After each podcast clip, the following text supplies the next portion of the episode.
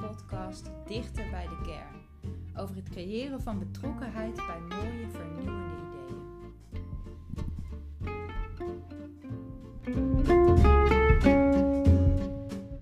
Nou, misschien werk je zelf ook wel aan een mooi, vernieuwend idee. Iets wat je echt heel graag uh, in de wereld wil zetten. En dan weet je waarschijnlijk dat je daar bijna altijd andere mensen bij nodig hebt, andere organisaties bij nodig hebt. En dat het dus heel belangrijk is dat je goed weet wie je stakeholders zijn en op welke manier je ze bij je project gaat betrekken. Nou, daar ben ik al heel lang uh, mee bezig uh, in mijn werk en uh, daar schrijf ik ook over op mijn blog. Um, sommigen van jullie kennen die misschien. Ik zal beginnen met het uitzenden van verhalen die ook op mijn blog te vinden zijn. Met het idee dat je nu ook naar de verhalen kunt luisteren um, naast ze lezen op mijn blog. Het is eigenlijk een soort audioblog.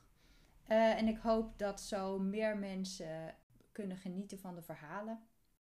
In deze eerste aflevering ga ik een verhaal vertellen dat ik vorig jaar heb geschreven rondom de viering van 100 jaar vrouwenkiesrecht.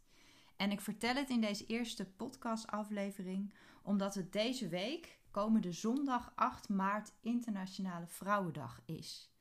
En voor degenen die dat niet weten, dat is een dag die aandacht vraagt voor gelijke kansen voor mannen en vrouwen. Nou, in Nederland is uh, het vrouwenkiesrecht in 1919 ingevoerd. Uh, daarna zijn er nog veel andere dingen verbeterd.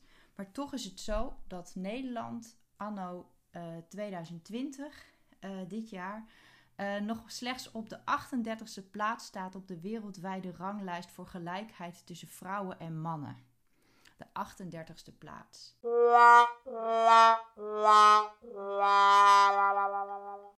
En dan denk ik dat moet toch beter kunnen. En ik hoop dat de kinderen van mijn neefjes en nichtjes later op hun blog kunnen schrijven dat ze zich erover verbazen en zich haast niet kunnen voorstellen dat vrouwen vroeger minder verdienden dan mannen voor hetzelfde werk. Daarom dus hier mijn eerste podcast audioblog met de titel Nog maar 100 jaar.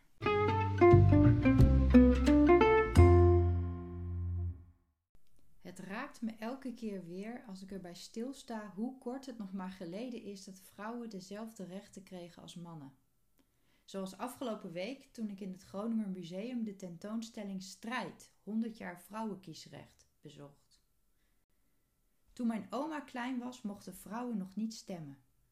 Toen mijn moeder klein was, werden vrouwen bij hun huwelijk nog officieel handelingsonbekwaam en volledig afhankelijk van hun man. Toen ik geboren werd, was het nog heel gebruikelijk dat vrouwen ontslagen werden op het moment dat ze gingen trouwen. Al gebeurde dat in veel gevallen, zoals ook bij mijn moeder, niet. Zij gebruikte op haar werk wel haar meisjesnaam, omdat mensen anders zouden kunnen opmerken dat ze getrouwd was met een arts en dan hoorde je volgens de heersende norm niet te werken. Pas in 1980 zorgde de wet gelijke behandeling mannen en vrouwen ervoor dat vrouwen en mannen dezelfde rechten hadden binnen het sociale zekerheidsstelsel. Het vrouwenkiesrecht bestaat nu 100 jaar, dus eigenlijk nog maar heel kort. Daarvoor had slechts de helft van de bevolking invloed op de politieke besluitvorming. De andere helft had simpelweg geen stem. Gelukkig is er veel veranderd, al komt het nog steeds voor dat belangrijke groepen onvoldoende betrokken worden bij besluitvorming. Dan heb ik het niet over verkiezingen, maar bijvoorbeeld over veranderprojecten in organisaties, waarin medewerkers niet kunnen meepraten. Of productontwikkelaars die zich onvoldoende verdiept hebben in de wensen van hun klanten. Dat is zonde, want zo lopen ze waardevolle input van deze groepen mis. Het betrekken van medewerkers, klanten of andere stakeholders lijkt soms een grote klus. Waar moet je beginnen en hoe pak je het aan? Het invoeren van het vrouwenkiesrecht was destijds een grote stap, waarvoor in het hele land een flinke strijd werd gevoerd. Het aanpassen van de kieswet in 1919 bleek uiteindelijk heel eenvoudig.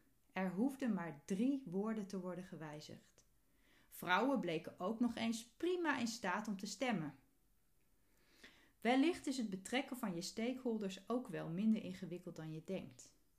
Het begint ermee dat je helder hebt wie het zijn en wat ze kunnen bijdragen aan je project. Vervolgens ontwikkel je een passende strategie om ze te betrekken.